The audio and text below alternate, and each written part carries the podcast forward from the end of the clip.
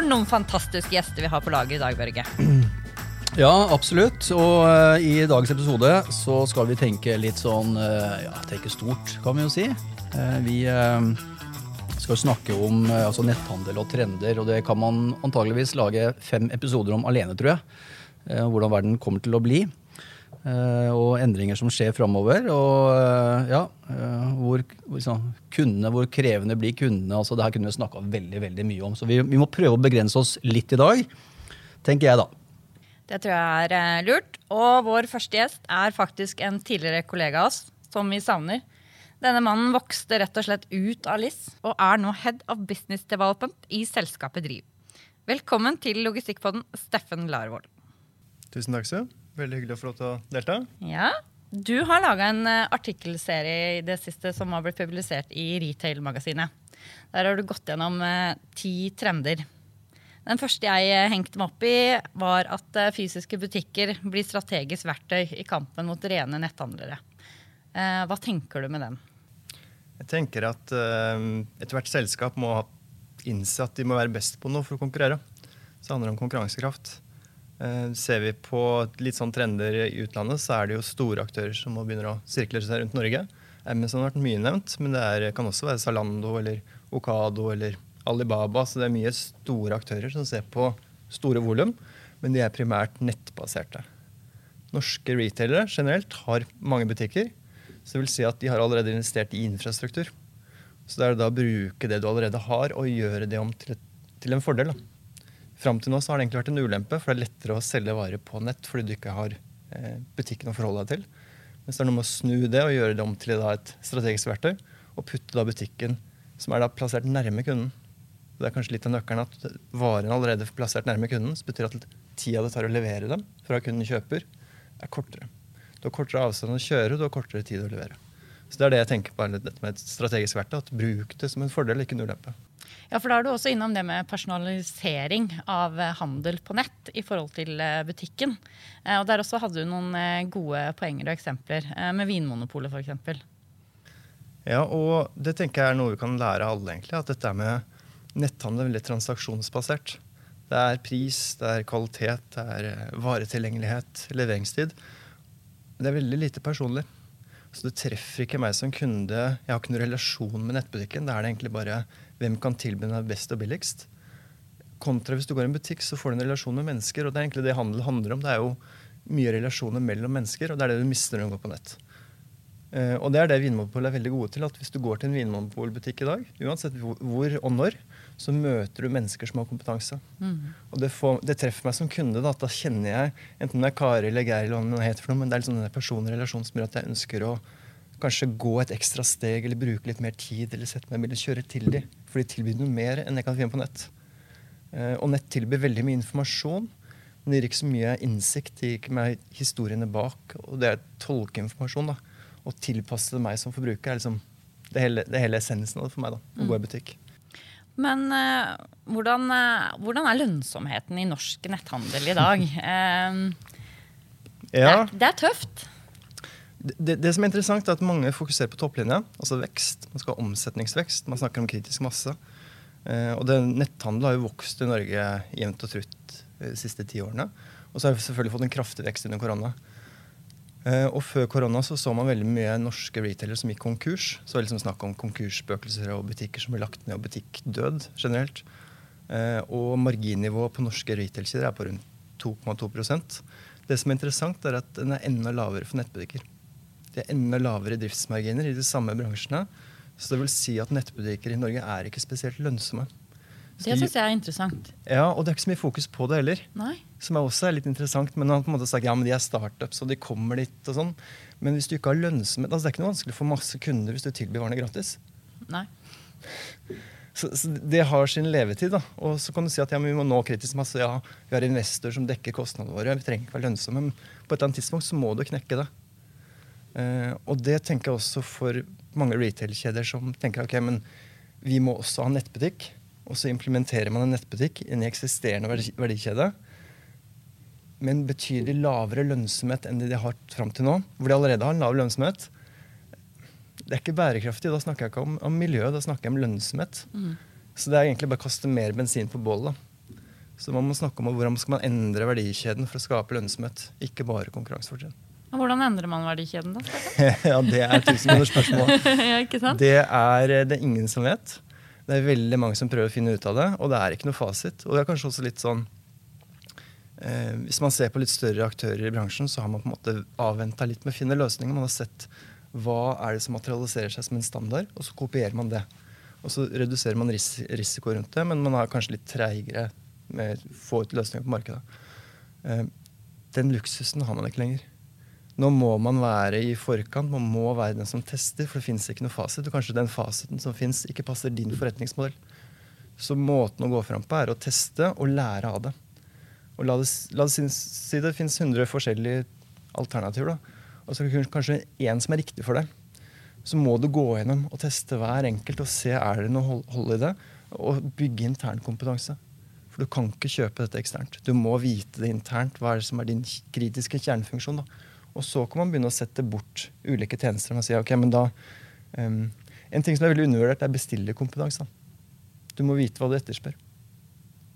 Ikke sant? Og jeg tror det er kanskje litt av kjernen at man har vært litt for distansert, spesielt rundt logistikk. da. Logistikk har vært en støttefunksjon til forretningsmodellen, ikke en kjernekritisk funksjon. Og det er det som endrer seg. For Det husker jeg vi snakka mye om å gjøre logistikken til konkurransefordelen din. Det har du fortsatt tro på? Ja, hva er det som er igjen, egentlig? Eh, produktene er generiske, prisene er satt av markedet. Leveringssted blir en standard. Da er det jo kostnader da, på håndtering. Distribusjon. Men, men, blir det sånn at uh, Jeg har alltid gått og tenkt på Vi kommer jo tilbake senere også, når uh, Stefan fra Bring kommer og, og snakker litt etterpå. og Eh, jeg tenker på det her med størrelse og teknologi. Det skjer jo mye utvikling ikke sant? i forhold til man snakker om robotisering og alt dette her. ikke sant? Og droner som kommer og sånn, husker det. Og, og jeg tenkte på liksom, vi så liksom husker jo sjøl når man har vært på liksom konferanser. Det er ikke mange mange år siden vi var, og da var hovedfokus mobil. Du må ha mobiltelefon, og du må være på nett på mobil. Det er jo ikke et menneske som nevner ordet mobil lenger. Det er liksom, eh, det er old fashion, og det er ikke mange mange år siden. Um, men det jeg liksom tenker på, det er jo det her med, med, størrelser. At for å på en måte kunne levere raskt, effektivt og billig, så vet ikke altså om teknologi, hvor viktig blir det? Og hvor størrelsen på, på, måte på, på et lager. da. At du, du, på en måte du, du, du kan, kan, kan, man overleve ved å være liten? Og, og, drive med netthandel? Ja, det tror jeg vi har masse eksempler på. Spesielt ja. innenfor netthandelen. Så, så er det veldig mange små aktører som har blitt veldig store på veldig kort tid. Ja. Eh, netthandelsgruppen, Kolonial, Mildra, Bli vakker. Altså det, det, er et del hav av disse aktørene som lykkes. Ja, hva er det de, er det de gjør? Du, du, nevner jo teknologi. Jeg tror Teknologi er muliggjøreren, det er verktøyet. Men det er kompetansen som er nøkkelen. Du må forstå det, eh, og så må du bygge det inn i, i, det du skal levere i verdiforslaget til kundene. Uh, og vi som kunder er forholdsvis jeg skal ikke kalle det illojale, men vi er forholdsvis pragmatiske da, i forhold til hvem er som tilbyr de produktene og tjenestene som jeg ønsker meg billigst, kjappest, mest sporbarhet, mest synlighet på mine premisser, rett og slett. Eh, og det er jo der slaget står. Eh, og så er det noe med at Først så var det én ukes leveringstid, så var det tre til fire dager, så er det to til tre, og så er det én til to, og så er det ett dags levering, og nå må vi snakke om 15-30 minutters leveringer. altså det er ikke lønnsomheten i distribusjonen som blir viktig her, det er det at man ikke lenger planlegger å kjøpe varene. Det bare er tilgjengelig når jeg trenger det. Jeg har ikke lyst til å um, hvis, du, hvis, du, skal spise middag, da, og klokka er fire og du er sulten, så setter du bilen og kjører til matbutikken så plukker du opp det du har lyst på der og da. Det er ikke planlagt kjøp, det er impulskjøp. Og den mangler i netthandel i dag fordi uh, det er leveringstid. Men det øyeblikket man knekker den koden at ja, men jeg kjøper varene, så er den mer eller mindre på døra mi, så er det en ganske stor del av det man kjøper på nett også, eller i butikk, som nå flyttes over på nett. Mm. Ikke sant. Men jeg tenker på um, Eller hva tenker du i forhold til det her med som en begynte å snakke om, dette med lager? Uh, altså tredjepartslogistikk. Uh, altså at man setter bort lagerdriften uh, kontra det å å drive eget lager. Jeg skjønner at det ikke er noe fasitsvar på det, men har du noen tanker rundt, rundt det? jeg tenker at uh, det å eie prosesser er viktig, men det å sette bort oppgaver er, kan være en del av det. Hvis du ser på Norge, så har vi forholdsvis høye lønnskostnader. Vi har ekstremt høy husleie. Den vokser også innenfor logistikkeiendom. og så kreves det at du investerer en del teknologi for å være, ha konkurransekraft. Eh, som betyr at du må ha en ganske stor organisasjon for å skjønne det og for å bygge det opp og for å på en måte faktisk eie det. da. Så den, for, den terskelen for å håndtere egen logistikk har blitt vesentlig høyere bare de siste fem åra. Og da tenker jeg at det å sette det bort til en profesjonell aktør er en meget god løsning for de aktørene som ikke ønsker å eie det. For det er ikke alle som trenger å ha det, og det å kjøpe tjenester fra en ekstern part eh, er noe mange i USA blant annet har gjort. Man ser at f.eks. returhåndtering av varer er kjempekomplisert og veldig adhoc-arbeid.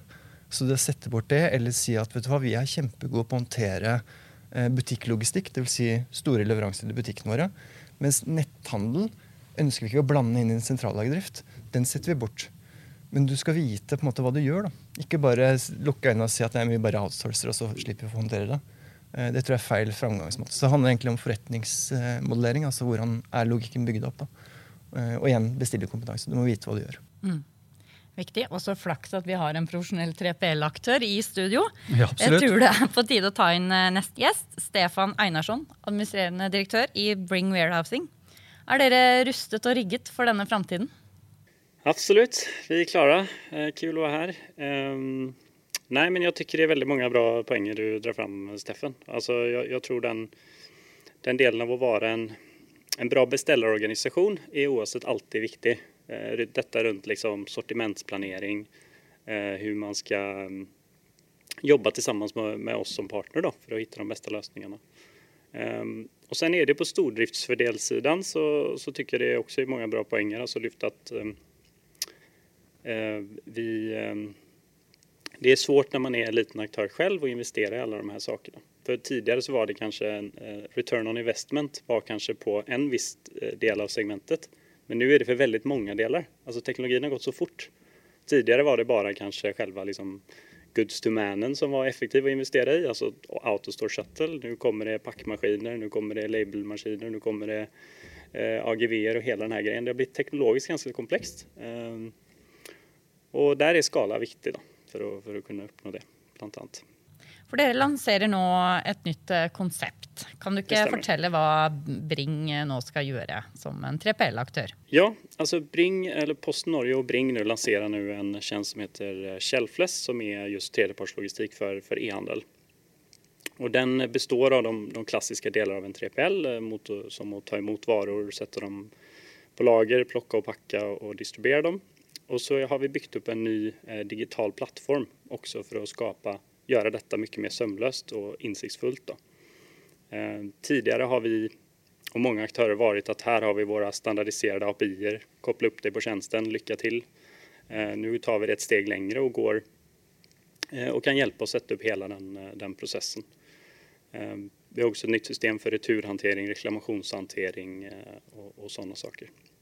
Og en del automatisering, da, så, som vi har bygd mye videre på. Men det her er bare B2C, eller er det B2B òg? Hvis jeg selger flaggstenger, kan jeg komme bruke deg da? Ja, altså vi, vi, har en stor B2B-virksomhet også i, i Bring Warehousing, og det har jo vært vår historie. Histor det er det de fleste tredjepartene har vært. Historisk sett har man jo hatt B2B, eh, i og med at det har vært den store delen av, av marknaden, logistikkmarkedet. Um, så, så, vi har B2B. Just, just flaggstenger det, det, hadde vi nog ikke liksom, takket ja til. Og det, det handlar om liksom, hva, hva er syftet med en tredjepart? Hvorfor finnes vi til? Og det det jo om at vi kan som tredjepart gjøre at ett plus ett blir større enn to. Det vil si om, om to mindre lager hadde drevet det, det selv, hva blir skillnaden når vi två kan driva dem samlet? Da? Og vi har jo 200 kunder hos oss i dag, cirka på, på tredjepartslogistik. Och vi ser hela tiden hur passar de här varuströmmarna ihop så att 1 plus 1 blir mer, mer än 2. Och det är svårt att göra det med flaggstänger. För även om vi skulle samla alla som håller på med flaggstänger i Norge på ett ställe så hade det inte blivit så, kanske så mycket mer effektivt. Till slut kanske det hade blivit det, men det är liksom inte kanskje stort nok å gjøre det. Da. Nei, jeg skjønner det. Men er det, er det Det har jo blitt en del 3PL-aktører eh, nå eh, i Norge. Um, ja, hva konkurrerer dere på? Er det pris? Ehm, pris er en, alltid en veldig viktig del, og dermed kostnadseffektivitet eh, for oss. Ehm, og sen er det jo mange andre saker også. Eh, tidligere så eh, eller liksom, man kan säga En sak som det handler mye om, er trygghet. Altså man må jo kjenne at man har en partner som holder det de lover. Det er jo otroligt viktig med, med forutsigbarhet liksom for deres mottakere og kunder, At man får det levererat når man skal. Det er jo alltid liksom kjernen. Og den tryggheten er jo viktig å, å, å känna. Och sen är det ju flexibilitet i stor grad, är det många kunder som kräver. Och det är ju det som är en, en risk och som många är rädda för. Kanske när man ser på en tredjepart, kommer de här kunna se mig? Kommer de kunna tillpassa till mina behov? Och där är det ju en balans då mellan den stordriftsfördelen vi ska ha till, till allas bästa mot, mot den eh, liksom, eh, personaliseringen, om man kallar det då, för den specifika kunden. Så hur man balanserar det och har en bra dialog runt det är, är väldigt viktigt. Och sen är det den digitala plattformen. Och den skulle jag säga har två element. Det, det, ena är ju att man ska...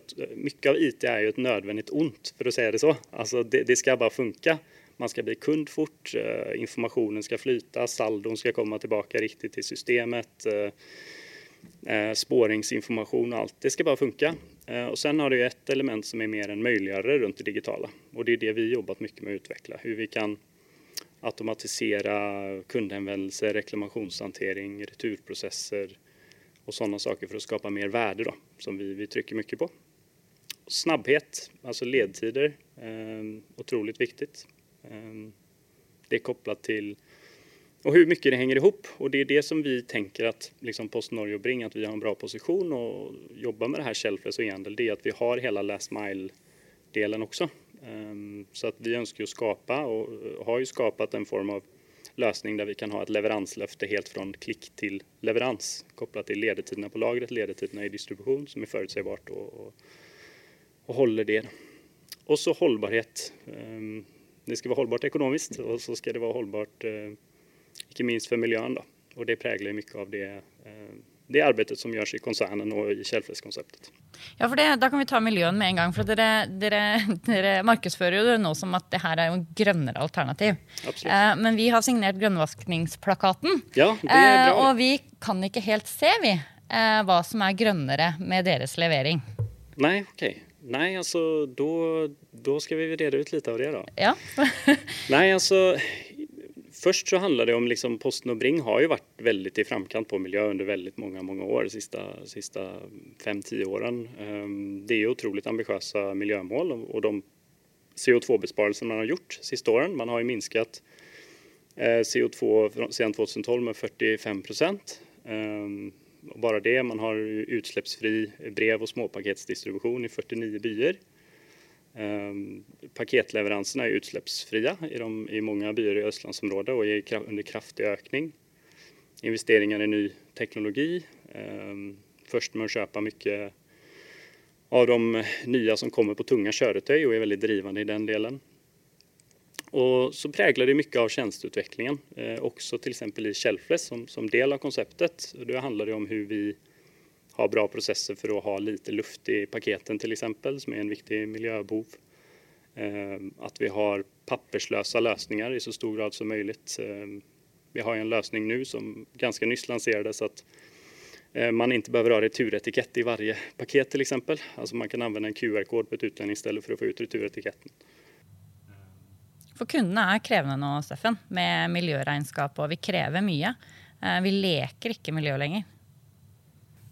Nei, vi gjør ikke det. Jeg tenker at uh, for Bring, som er da en, primært en, trans, en, distributør, en transportør, uh, i tillegg til nå 3PL-funksjoner også, så er det jo transport på veien som kanskje er den største um, området hvor du kan faktisk redusere utslipp. Uh, og så har det vært en litt sånn pågående diskusjon innenfor logistikkverdenen mellom hva slipper ut mest? Er netthandel miljøtyv, eller er det butikk som er bedre? Altså nett kontra fysisk butikk. Uh, og nå er det ikke noe fasitsvar her, for det er mange måter å regne det på. litt sånn ref den plakaten du snakker om, Men uh, tankegodset rundt det at mennesker som kjøper varer i en fysisk butikk, ta Oslo som eksempel, da, hvor varene kommer utenbys fra, så må jo da transporteres inn til byen.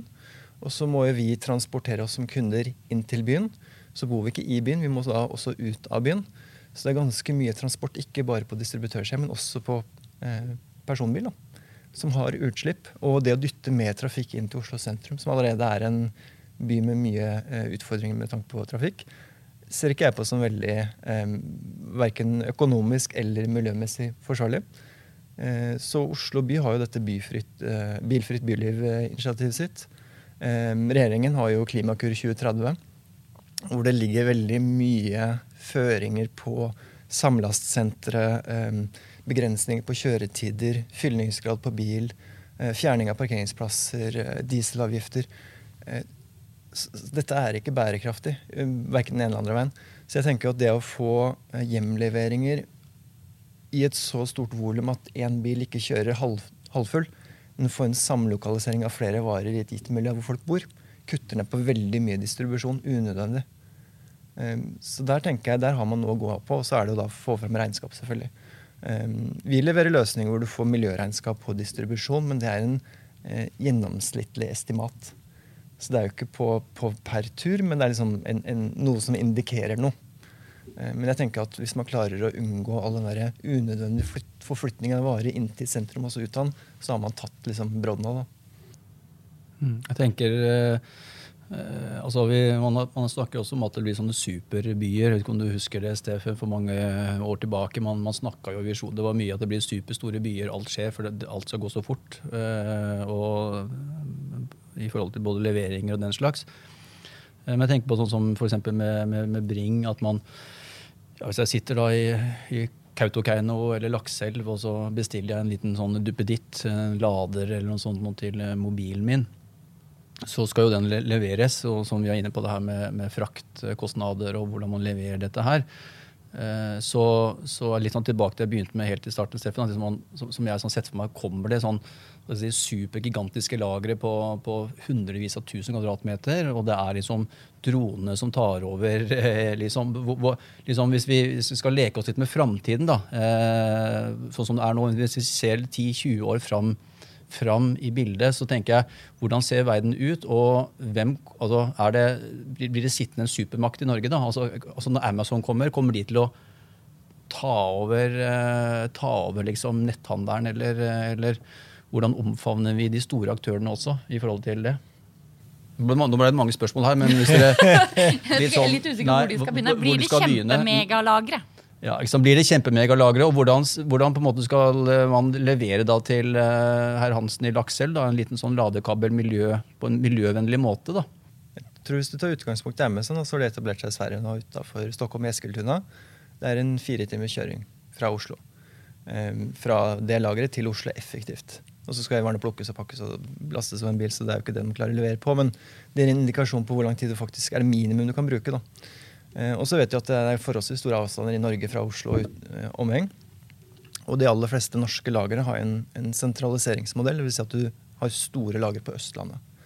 Men som du også påpeker, at hvis du bor oppe i Nord-Norge, så har du lyst på varer innenfor rimelighetens grenser. Så, så, jeg tror jo at litt sånn som vi var inne på i starten, dette med butikken som et strategisk verktøy. At man bruker butikkleddet som en fremskutt varelager med de mest frekvente varene, de, mest, de varene du vil ha, ha, her og nå. Og så kan du ha en, en større sentrallagermodell hvor du etterforsyner butikkene. Hvor du fyller opp bilene, så du har færre biler som kjører opp. Bilene er fulle. Og så ligger varelageret tilgjengelig for salg når etterspørselen kommer. Så dette med å flytte varene nærmere kunden er en, også en trend som Amazon kaster seg på i USA hvor du har det som heter Micro Fulfillment Center, som er da fremskutte varelagre med en form for automasjon. Da, som gjør at du har tilgjengelig av varer. Eh, og det kom også nå en pressemelding i dag morges fra ICA-gruppen i Sverige, som bygger en sånn type løsning fra, fra britisk Okado, som åpner nå utafor Göteborg med en, det som kalles en CFC, da, eller eh, en form for automasjonsløsning med lager, som er lukka for kundene, men som skal utelukkende levere netthandelsvarer for dagligvarer i Mm. Eh, Stefan, du hadde et uh, Ja, altså, jeg tenkte bare egentlig fylle på det du sa. Jeg, jeg, jeg tror det, det, er under endring der. Og det som du sa tidligere også, det er mange som holder på å reder ut hvordan de skal legge opp denne totalen. Og mange liksom gjør det på ulike sett. Um, og man tänker, Om man börjar med de som har historik liksom, i, i B2B og handel og har det her butiksnettverket, så har ju det blivit anvendt som framskutt varulager i praktiken. Och då har ju, Om man tänker Norden som perspektiv, har det jo vært logisk å ha et lager kanske kanskje i södra eller mellersta Sverige som har täckt det. For du har liksom hela tiden en ledetidsbuffen med varulagret i butiken. Men på e-handel har du ju ikke riktig det, for da skal du ju direkte till konsument. Og da ser man ju ofte at det er mer naturlig å ha flere lager. Og om man tar e-handelen så har det jo vært inn til Norden så er det fortfarande veldig mye import inn til Norden. Det er jo veldig mange av e-handelsvolymen inn til Norge som ikke har oppstått i Norden eller i Norge. Det kommer fra Kina eller Øst-Europa eller Tyskland eller Polen. Og der ser man jo at mange av de aktørene faktisk etablerer seg i Norden og kanskje da begynner i, i, i, Sverige. Og der er jo Amazon et verktøy sånn sett, for der har det vært globale aktører, til og med aktører fra Asien, som aldri har ens tenkt at det har vært hovedprioritet å sette sitt sortiment kanskje i Norden, men så har de en, en kanal, for de selger på Amazon på andre plattformer, og da kan de like gjerne sette litt sortiment i Amazon i Eskilstuna og nå, nå Norden. Og sen er det vel neste steg efter det. Det går jo hele tiden mot at det skal være snabbere og snabbere og bedre, og det er der konkurrensen kommer stå om distributionen som du sa. Da er kanskje neste steg at det også blir satellitlager, butik och microfulfillment centers nærmere og nærmere. Så, så det blir antagligen fler mindre lager är den huvudsakliga trenden för e-handeln skulle jag säga mer än, än, än megalager. Men det er ulike for ulike produktsegment, skal ses også.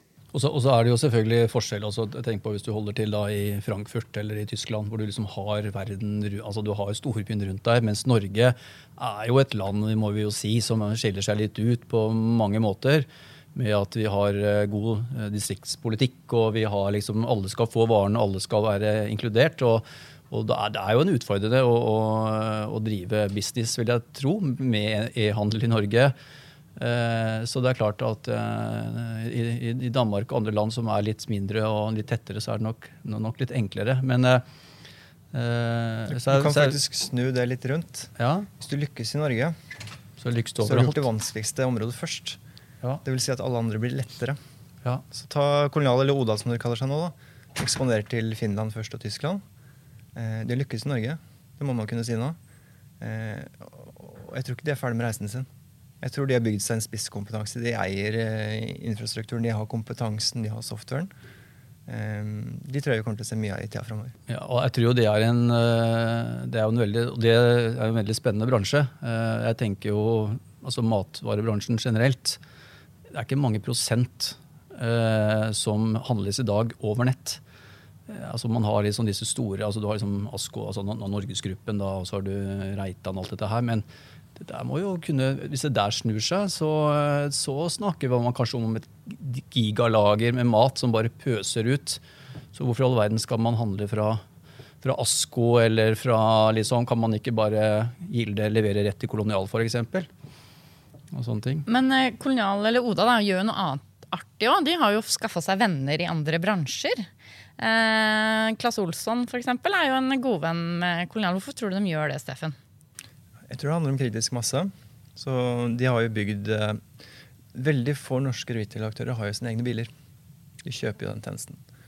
Eh, og hvis hastighet er et konkurransefortrinn, og du kan styre dine egne biler, så er du i en god posisjon.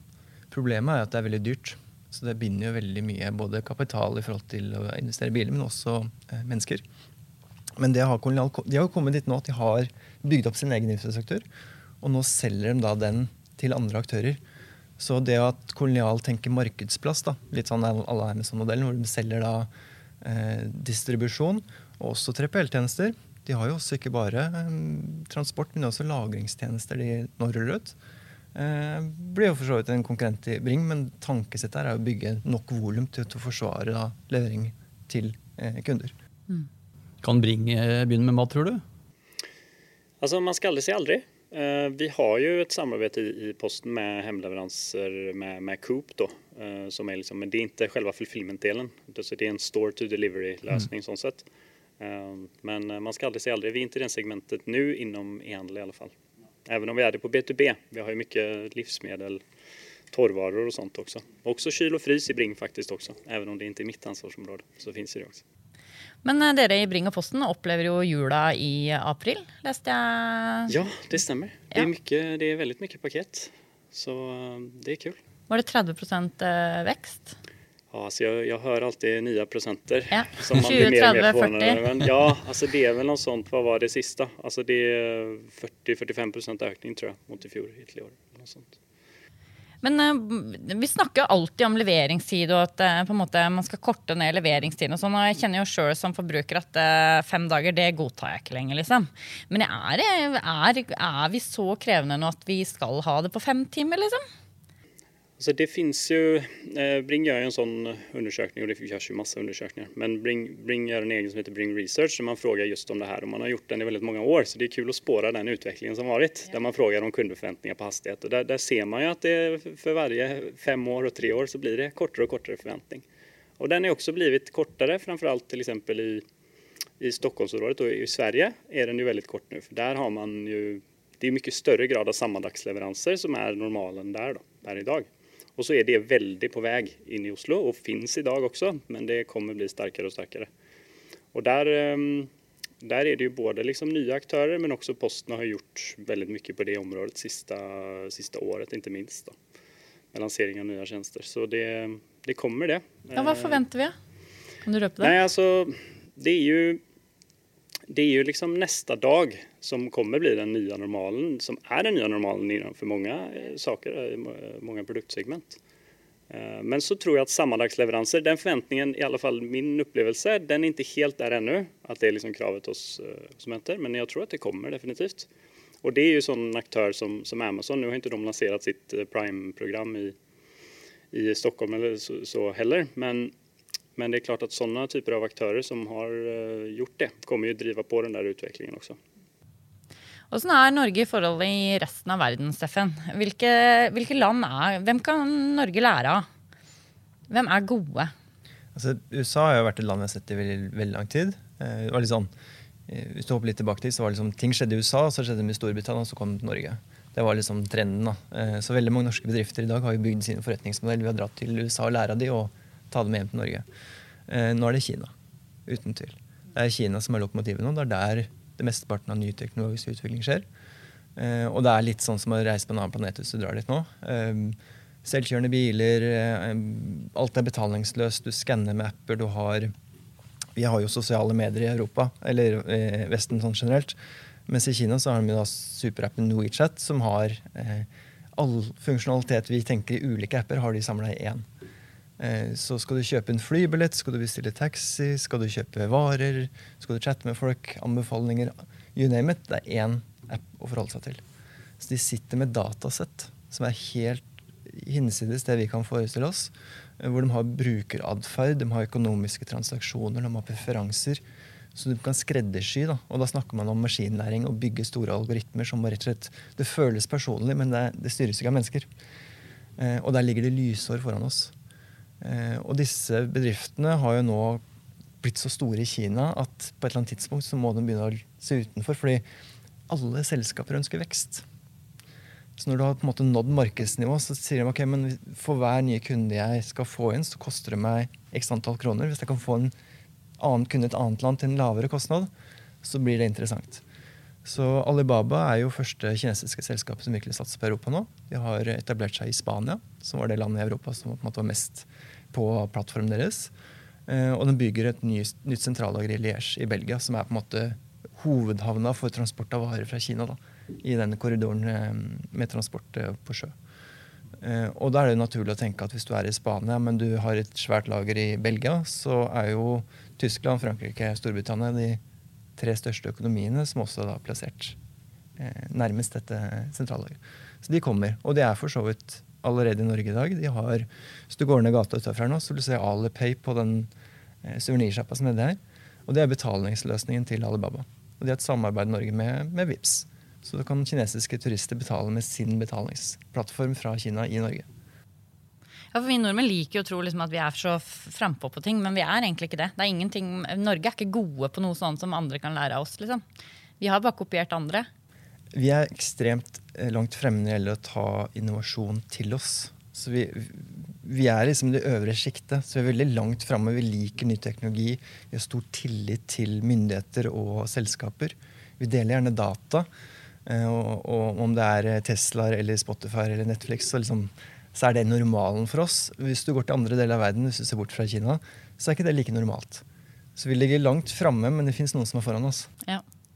Det er vel kanskje ikke så ikke hvordan Datatilsynet er i, i, i, Kina heller, kontra det norske Datatilsynet. så det er vel litt lettere å få gjort ting også. Men det er også et interessant spørsmål. Eh, det her med altså, Deling av data av hva som er lov og ikke lov. og Man prøver liksom å sette en stopper for det. Man, altså, men, men jeg, jeg, tenker kanskje at det er eh, det er et tog som er umulig å stoppe. Vi er vel snart overvåka og vet hvor vi går på do. og vet ikke, Har dere noen tanker, tanker om det? Um, altså Kina jo, har jo Jeg vet ikke om de har et datatilsyn, for å si det sånn. Så der er jo Et av kravene for å komme på denne plattformen er at du gir fra deg eh, biologiske data. Ja, Gir fra deg alt. Gir fra deg ja, livet, nesten. Så, så ansiktsskanning og fingeravtrykk osv. for å få tilgang. Og Hvis du ikke har dette, så mister du også rettigheter i samfunnet. Eh, flybilletter eller eh, komme deg på T-banen osv. Så, videre. så det er i prinsippet ikke noe valg. Så de bygger jo da avanserte algoritmer basert på store mengder data som kan tilpasses europeiske forhold. Og Norge er jo flinke til å dele offentlige data. Vi er kanskje et av de, de landene i verden som er flinkest til å samle og dele data åpent. For vi ser at det kan skape konkurransefortrinn for bedrifter. Men det betyr at hvis du har en god algoritme, en god um, måte å analysere mennesker på, så trenger du ikke bare dataen for å berike modellene. Uh, så det er selvfølgelig en trussel. Men uh, hvis du drar til Storbritannia, så driver de nå med ansiktsovervåkning på gateplan av sine innbyggere. Så det er en stor oppstandelse der nå hvor du møter mye motstand. Det er som du sier, det er vanskelig å stoppe det, for det er på vei. Men man må begynne å tenke på hvordan skal man kontrollere, altså regulere det, hvordan skal man beskytte privatliv kontra å skape tjenester og funksjoner som vi ønsker som forbrukere. Veldig vanskelig balansegang. det er akkurat det der. Ja. Blir det bring eh, paycard, bring eh, invoice? Blir det betalingsløsninger fra Bring? Blir Nei, helheten inte, der? Ikke i denne omgang. Det har vært faktisk mye diskusjon om det er et segment vi skal gå inn, men vi, vi holder den på vent eh, än så lenge. Mm. Eh, så det er mer den, den plattformen vi bygger opp nå, handler jo om at man skal ha en stor fleksibilitet og kunne velge mellom olika betalingsløsninger. For det handler jo mye om integrasjoner i en e-handel og det er nok integrasjoner att hålla på med och, och komplicerat eh, för en e-handel och då ska vi ha en enkel plattform som hjälper att göra det snabbt.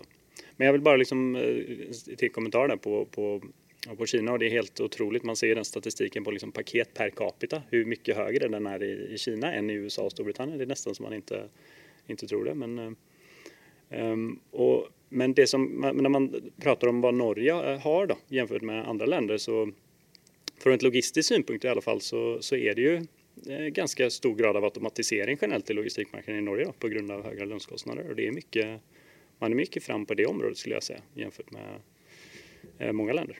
Ja, så tror jeg jo, eh, altså, Som jeg nevnte før, også, vi, vi, kunne jo, jeg tror vi kunne stått og snakka her i timevis, for det her er et veldig interessant tema. og jeg tenkte akkurat nå så var det et tema vi må snakke om en gang, og det er jo dette her med AI også. Hvordan vi tror AI kommer til å påvirke logistikken. Eh, i, i, mange ledd. Både, ikke bare på automatiseringen, men, eh, og, og, heller ikke bare det du nevnte, Steffen, om, om hva skal jeg si, at man, man, kjenner kundene, hva de skal ha, hva de trenger, når de skal spise, når de skal sove, alt dette her. Men, uh, men vet ikke om vi kan sånn avslutningsvis Hva slags forhold har en, en, type Bring til AI, liksom, i, i sin si, strategi?